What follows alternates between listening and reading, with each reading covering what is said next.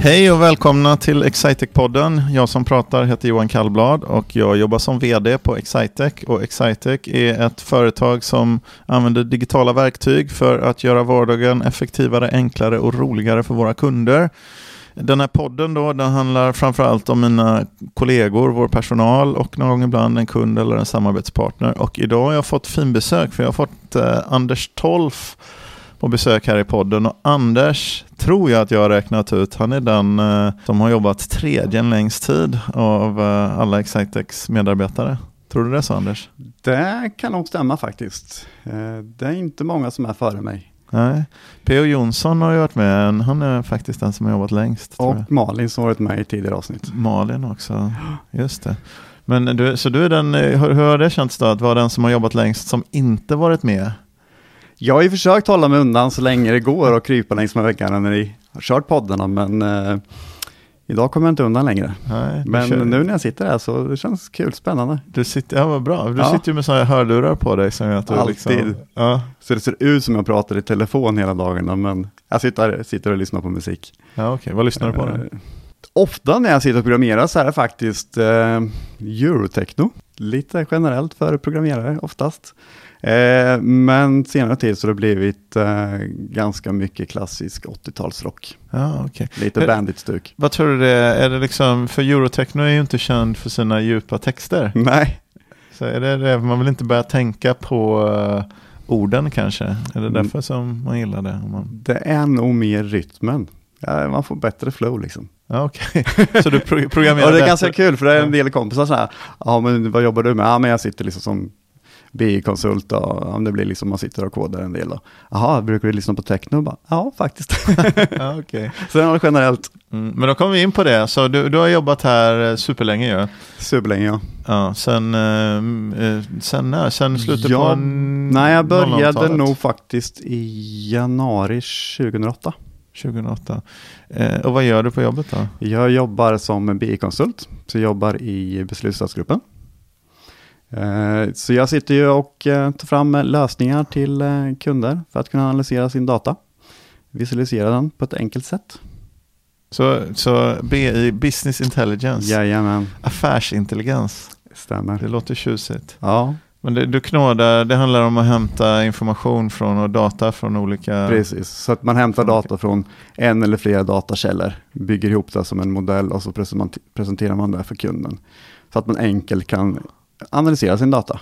Även hitta, kunna hitta fel i sin data. Hur mycket tror du, hur mycket är rapportering som folk använder till och hur mycket är liksom analys och, och få insikter om? Jag vet faktiskt inte. Jag tror det blir mer och mer att de sitter och analyserar när de har ett B-stöd än tidigare, för då jobbar de ganska mycket liksom att bara ta fram rapporterna, ta fram datan. Sen hade de aldrig tid att analysera, Nej. Men nu så har de nog mer tid att analysera. Jag tycker det kan kännas så också att det var att det brukade vara mer generellt sett mer rapport. Man frågar hur många rapporter har du? Hur många, Ja. liksom, vil- vilka rapporter kan vi ta fram? Men, att det, men, men sen hamnar man i den här insiktsgrejen. Man vill förstå varför ser det ut så här. Exakt. Alltså jag ju, vissa kunder jag har jobbat med, en, en gammal kunder, en person, hon satt ju eh, väldigt, väldigt mycket tid per månad och bara skapade rapporterna i Excel. Och la jättemycket arbetstid bara på just att skapa de här rapporterna, klippa och klistra i Excel. Ja. Eh, där byggde vi en lösning eh, och helt plötsligt så fick hon ju titta, men nu kan jag ju titta på siffrorna också. Det har jag aldrig hunnit innan. Det har ju bara varit att skapa rapporterna. Man undrar hur många rapporter som, som tas fram som inte Ja. används egentligen. Det är nog många. Ja. Men, men eh, egentligen när man pratar om business intelligence och sådär, då har man ju egentligen alltid menat något som går utanför. Man har ju inte syftat på rapporterna egentligen. Det är bara att Nej. användarna eller de, eller de som köper grejerna, de har ofta velat lösa ett rapporterings ett rapportproblem, men egentligen de verktygstillverkarna och sådana som vi, vi har ju Ja. alltid velat använda det till analys. Tycker jag. Ja, stämmer. Så. Men, men eh, har det ändrats något över, om du ser, för då är, då är, det, då är det alltså 11-12 år nu då som... Precis. Eh, då var det ju bara ClickView, det fanns ju inte det senaste Klicks, verktyg ClickSense, utan det var eh, ClickView. Eh, version, jag kom in i version eh, slutet av version 7, version 8 av ClickView. Vi är uppe på version 12 idag. Så det har hänt en hel del. Eh, även i ClickView faktiskt, mot när jag började. Hur tycker, jobbar du i både ClickView och ClickSense? Det är båda. Ja. Är det. Det var ju lite, när de kom så tyckte man det var ganska olika. ClickSense då, för det är ju massa användare som inte Ja. förstår vad vi pratar om, men Click, Click är ju en verktygsleverantör egentligen inom beslutsstödsområdet eller dataanalysområdet som vi har jobbat med väldigt länge. Ja. Kan du säga något, förklara för eventuella lyssnare vad, Skillnaden är, ja, vad skillnaden är och vad Eh, det är för några ja, alltså. ClickSense är ju mer riktat också till slutanvändaren, att de kan göra egna analyser. Det är, eh, du kan köra det på en platta på telefonen, i din webbläsare, adaptiv eh, upplösning, så att du blir- behöver inte tänka när du designar applikationen att okej, har de en stor skärm, har de en liten skärm, utan det behöver man inte tänka på. Samt att man kan, fär, eh, man kan skapa färdiga dimensioner och mått, så slutanvändaren liksom via drag and drop kan de dra ut och skapa egna diagram utifrån de måtten man har skapat. Så det är mer self-service i ClickSense. Det är lite mer som eh, när man gör rapporter och sådär i Excel egentligen.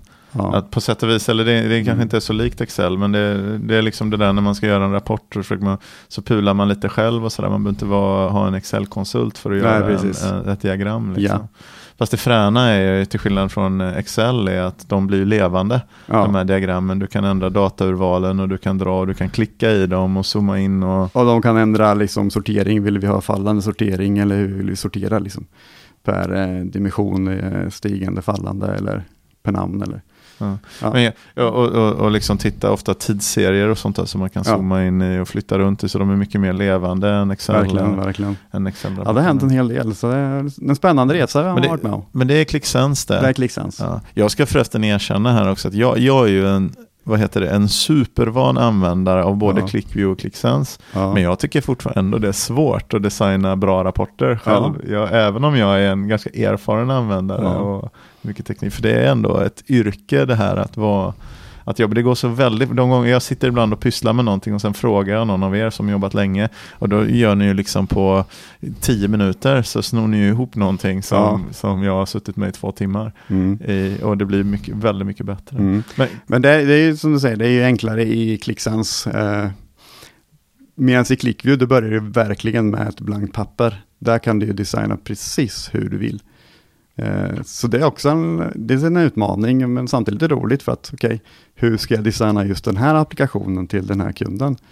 Eh, vad vill de ha? Du kan ju presentera precis Mm. hur som helst. Och det är ganska kul, man kollar på de lösningar vi har när det gäller ClickView så är det oftast ganska lite olika utseende beroende på vem som har utvecklat den. Då.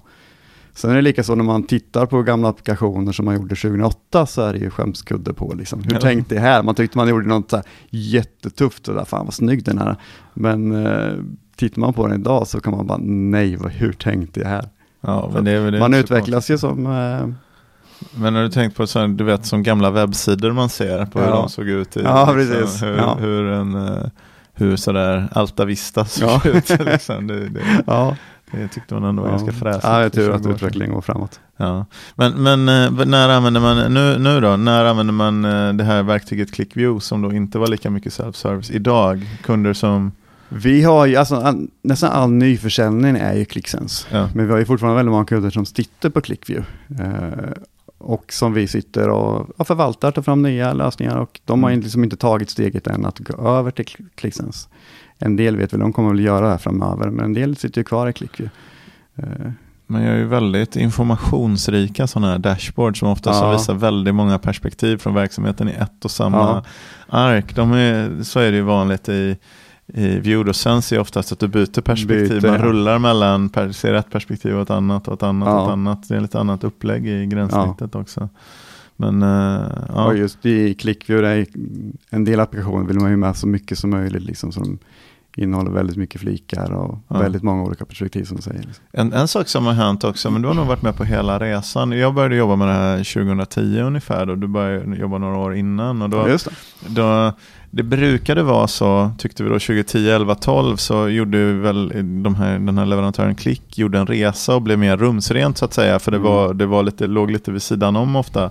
Från början och man skulle bygga stora avancerade data warehouses så låg Ja. man lite vid sidan om. Men, men eh, det var ett väldigt, brukade vara ett väldigt enkelt insteg. Det var väldigt lätt att komma igång med ganska få användare eller någon enstaka Ja. användare att komma igång. Sen, sen ändrade Klick, eh, liksom de ändrade lite licensmodeller och paketeringar så insteget att komma igång blev mycket högre egentligen. Det kostade ett antal hundratusen bara att liksom köpa programvaran för att börja för Mm. att börja jobba med. Men de har faktiskt gjort en liten återgång och förenklat och gjort det mer till en månads Ja, och betala när du använder och inte så mycket basmoduler. Så jag tycker Mm. nästan på ett sätt med ClickSense är man nästan tillbaka. Så nu har ju även ClickView samma licensmodell Mm. faktiskt. De, de har ändrat, eller inte riktigt Mm. men delvis samma. Men de har nästan gjort en återgång till eh, till den här gamla, att det är väldigt enkelt att komma igång lågt insteg Mm. och liksom belöna användaren med ett vackert verktyg som är enkelt att använda och så Ja. lita på att användaren kommer ta vidare det i sin organisation och du kommer Ja. växa på det sättet. Ja,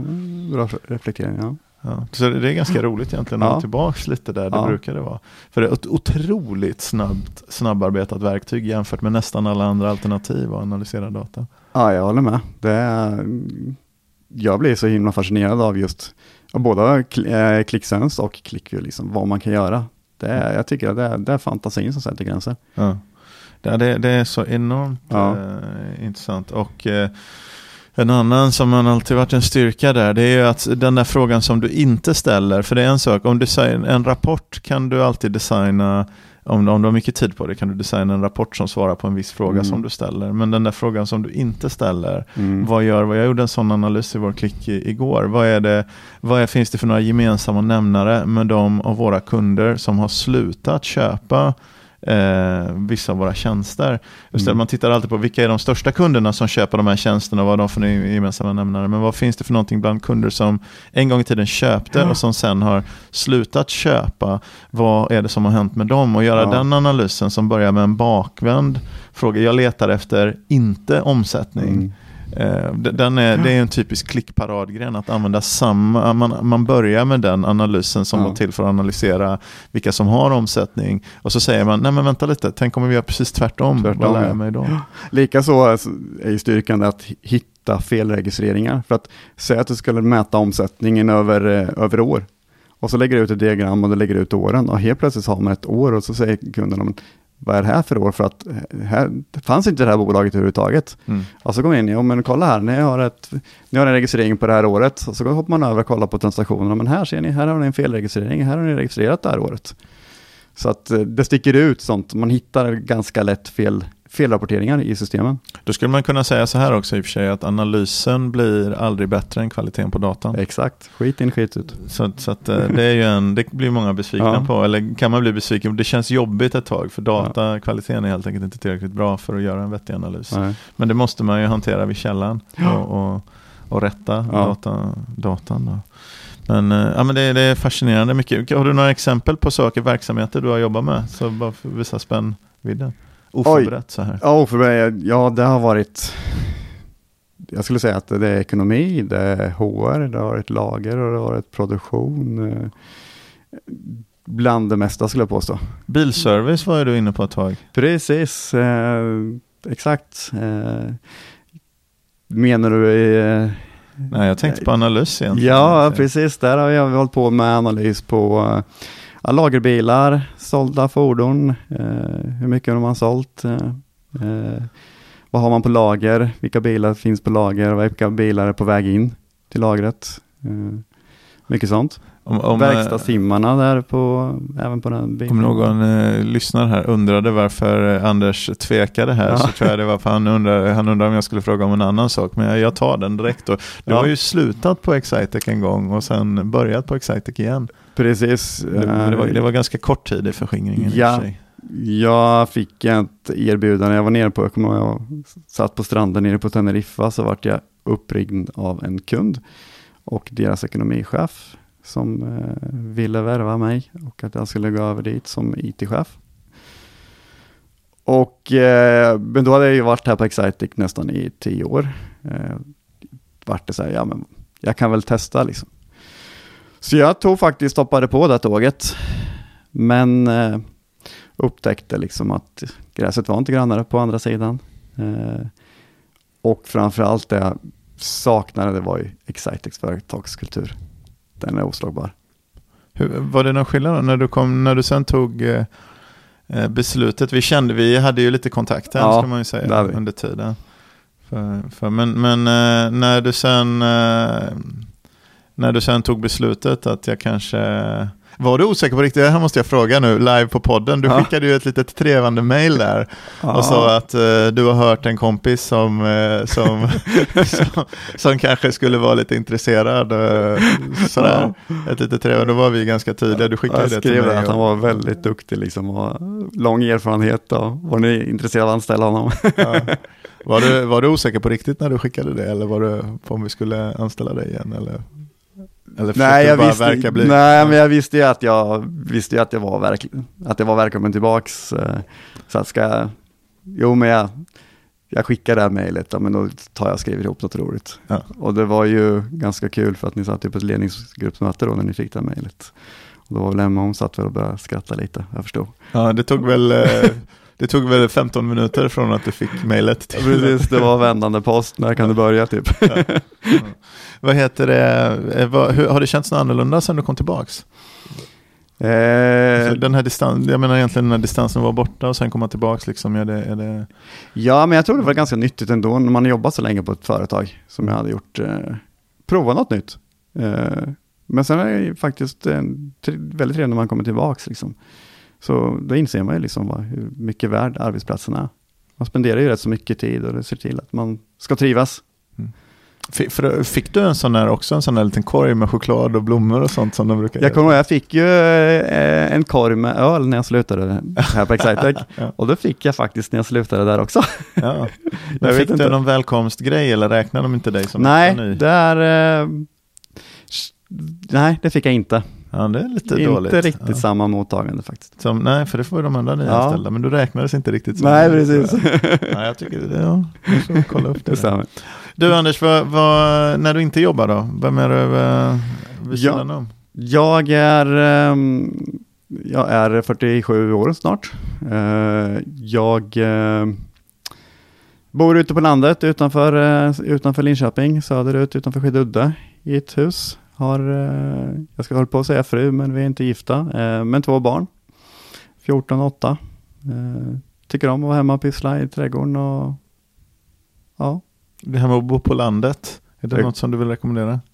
Ja, absolut. Eh, jag är ingen storstadsmänniska, eller jag har varit, eh, men absolut inte nu. Liksom. Jag trivs här i Linköping, men jag trivs inte alltid liksom uppe i de här storstäderna som Stockholm Göteborg. Och det är lugnt och skönt hemma, med kusterna som grannar. Ja. Reser du mycket i jobbet? Det var mer förr. Nu är det faktiskt ganska mycket man kör via kontoret. Eh, men sen så är det naturligtvis att man har kundmöten och åker omkring och lite dit, hit och dit. Eh, träffa kunder och möten, men det var nog mer för. Mm. Vi har ju ett segment i den här podden som heter eh, det väldigt eh, inspirerande namnet Någon berättar om något. Ja. Och då får, den som, eh, då får den som blir intervjuad välja samtalsämne och, ja. och så pratar vi lite om vad, vad, vad som helst. Vad... Du sa ju det att vi har inte pratat om bilar ännu, men vi kanske kan ja. prata om bilar också här lite senare, för det är också ett, ett litet intresse. Men jag funderar på vad ska jag prata om, om nu då, men jag kan prata om någonting som jag lite saknar nu när man har kommit upp i åren lite. Att, eh, I min ungdom så var jag verkligen en adrenalinjagare, sökte hela tiden adrenalinkickar. Så jag har ju testat på det mesta som går att testa. Allt ifrån fallskärmshoppning och eh, dykning och mycket bungyjump, jobbade lite med bungyjump ett tag. Eh, men höll på väldigt aktivt med klättring. Vad heter det, jobbade du med bungyjump? Ja. I, var? Eh, det var då i, det var nog i Linköping. Ja. Så kände jag alltid, jag kände de killarna som kom till Linköping. Så jag var ju med och jobbade när de var uppe vid universitetet eller nere vid Stångåna på festivalen. Och... Hade ni någon olycka någon gång? Nej. Glömde ni? Nej, så det var aldrig så att ni glömde men, sätta eh, fast? nej, men jag, jag tror jag gjort 16 hopp och det har varit tandem och bakåt och volter och lite allt möjligt. Eh, jag fick alltid prova nästan första hoppet, liksom, så kolla att, ja, kolla att håll, håller det här liksom. ja, det gjorde det, det kör vi. Spelade även in en reklamfilm för IFS, min gamla arbetsgivare. Och då ville de ha någon som hoppade bungee kostym och slips ner i stången. Så då hade vi ett filmteam med och jag tror jag gjorde fem hopp på raken. Men det kändes dagen efter. Då hade man träningsverk. Ja. Så Alltså, att, eh, Men alltså det jag brann väldigt mycket för på väldigt aktivt i många år, det var klättring.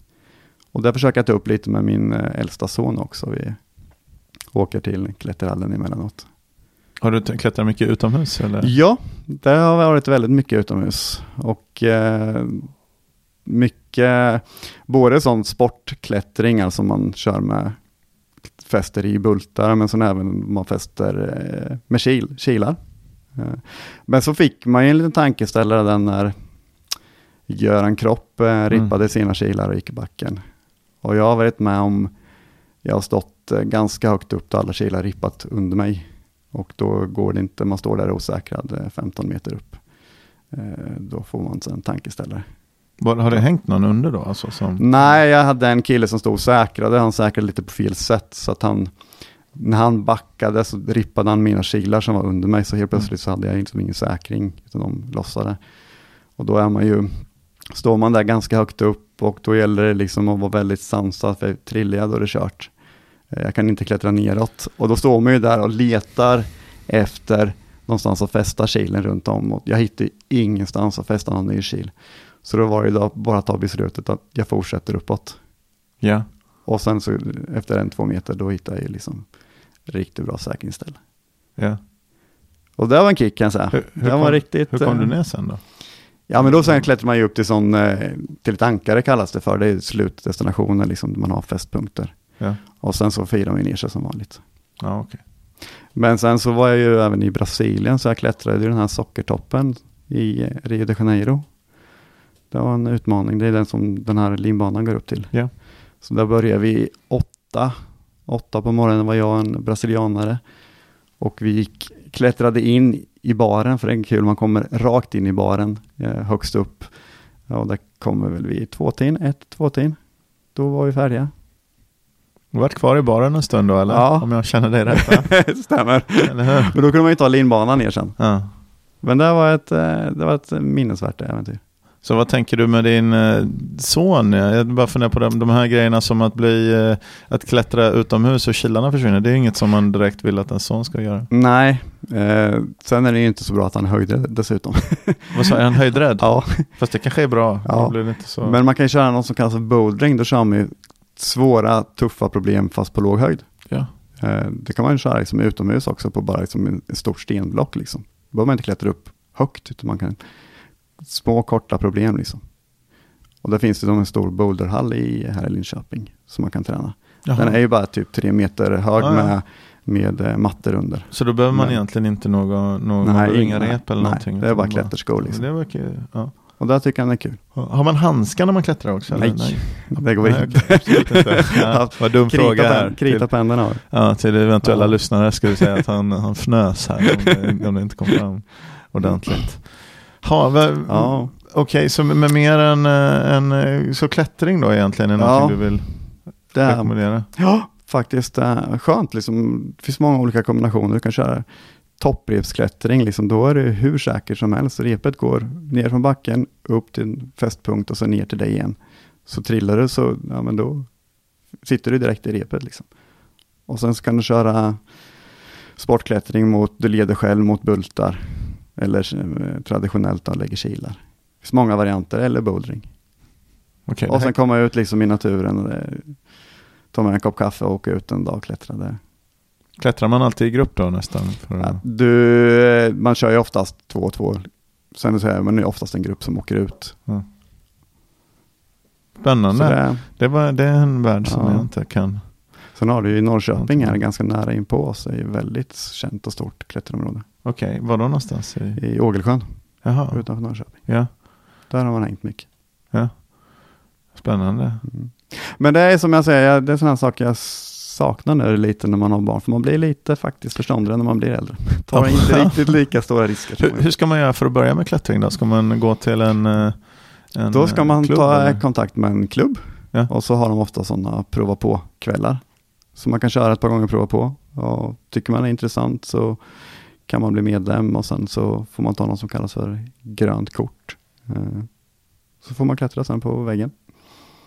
Och så finns det sådana, fanns inte på min tid när jag höll på, men nu måste man även vara, ha något speciellt kort för att stå och säkra en person. Ja. Så man liksom är behörig att stå och säkra andra personer. Det kan ju kännas skönt att den Ja. som är, Ja, det finns någon kvalitetscertifiering på den som står och säkrar. kan vara bra. Även om erfarenhet naturligtvis Ja. eh, täcker upp det. Ha, är det någonting annat? Vi har pratat i 25 minuter här nu Anders, och det är Ja. ungefär så länge Du har inte tagit prata. upp det här med bilar. Nej, jag har inte tagit upp det här med Nej. bilar. Jag sa det till, eh, till dig innan. Mycket segling men inga bilar. Nej, men jag försöker leda in på segling. Ja. Men bilar har vi ju ett intresse som vi delar lite grann med ganska få kollegor tycker jag det Ja. känns som. Det är mm, lite mer bilintresse. Ja. Ska vi, ta, vi kanske ska ta en separat bilpodd. Bilpar kan vi göra faktiskt. Ja. Ja. Om, om, eh, ja, ja, men har jag inte berättat min? Jag har en bilhistoria från veckan dessutom. Den Nej, kan vi ta, ta över kaffet. hinner vi med den nu? Nej, vi tar den i kaffet. Nej, jag- vi ska Ja. ta det. Men jag kan avslöja att den innefattar eh, bland annat en elbil som inte ville ta laddning och en, eh, en bärgningsbil som gick sönder i växellådan eh, under Okej. bärgningen. Så att, eh, det, Ja. och ett missat möte. för min, för min. Ja. Men det är ju ganska intressant i och för sig med elbil kontra Ja. Kontra eh, då en bil som gick sönder i växellådan. För elbilar har ju den förmånen att de faktiskt inte har några avancerade växellådor. Så jag Mm. fick lite tillbaks, även om, om, om jag hade haft en dieselbil eller bensinbil så hade jag antagligen aldrig hamnat i läget att jag behövde bärgningsbilen. Nej. I och för sig. Så. Men den kan vi ta över kaffet nu. Det kan vi göra, Ja. absolut. Ja, tack så mycket för att du ville komma till Kul att få vara här. Om, ni vill, om ni vill, eh, eh, någonting som jag borde frågat dig om kommer jag på nu, det är ju det här med företagskulturen som du sa var, var Ja. bra. Kan du sätta några ord på det? Vad är det som är... ja, men det är gemenskapen. Det händer saker hela tiden. Och det är liksom, ja men det går framåt hela tiden. Nya verktyg, eh, ingen som är rädd att prova något nytt. Eh, Det är inte det här tungrodda som det kan vara på vissa företag. Mm. Eh, Och Anders borde veta för han har jobbat här sedan Ja, eh, 2008. Sen 2008. Så om du också vill eh, vara en del av den här Excitec-verkligheten och Mm. Excitec-kulturen så går man in på eh, www.excitec.se karriär och då står det Mm. vilka sorters jobb och, som, vi, som vi söker personal till och man kan eh, hooka upp med oss eh, där. Är du intresserad av att någon som Anders som är extremt erfaren på använda digitala verktyg för att eh, hjälpa dig förstå din verksamhet och analysera din data. Är du sugen på att någon sån person ska hjälpa dig så tar vi hand om det också, också via vår webbsida. Du, du hittar det under excitec.se så, så beskrivs våra tjänster och sånt. Det är jättelätt att ta kontakt med oss där och vi, vi eh, kommer eh, återkomma med någon bra person om du vill träffa oss där. Så, eh, tack så mycket för att ni har lyssnat. Mm, Och, tack, eh, tack, tack tack för att du var fick med. vara. Mm.